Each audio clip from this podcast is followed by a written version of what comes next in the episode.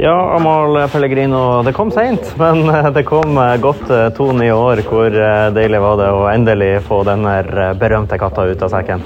Jeg syns det kom tidlig i år. I fjor var det jo 10. januar eller et eller annet. så nå får vi på en måte feira jul med senka, senka, skuldre. Så jeg føler eh, både klubben og jeg har eh, blitt enige på et eh, fint tidspunkt i år. Og det gjør at man kan ta både ferie og juleferien med senka skuldre.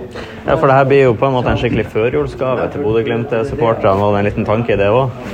Eh, fra klubben sin side så kanskje det. Eh, men eh, Eh, er det noen som fortjener det, så er det dem. De har vært eh, fantastiske med alle spillerne og, og klubben og måten de har eh, støtta oss på både her hjemme i Bodø og overalt i verden som vi har vært. har vært helt, helt fantastisk. Og de fortjente en, en avslappa jul i 2022. Mm.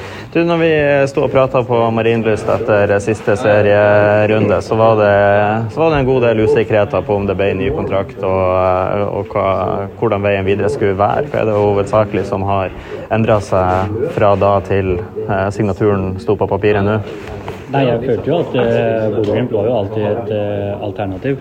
Uh, men når man har uh, kommet så opp i årene, så har man jo lyst til å være 100% sikker. Så derfor vil jeg holde mulighetene litt åpne. Jeg ville sjekke markedet litt, om det var noe som virkelig um, var interessant og som, som, hadde vært noe bedre enn det jeg hadde det her. Så med de tilbudene jeg har fått, så har det vært mye som har vært bedre økonomisk. Men fotballmessig så føler jeg ikke at eh, det har vært noe bedre enn det jeg har, det jeg har her fra før av. Mm. Og det er ikke noen tvil, Pellegrino-familien trives i Bodø? Ja, det, det, gjør de veldig godt. Så, så, de ser veldig frem til å fortsette å være her. Og ja, de gleder seg til å komme opp igjen. Mm. Gratulerer med ny kontrakt. Jo, takk, takk.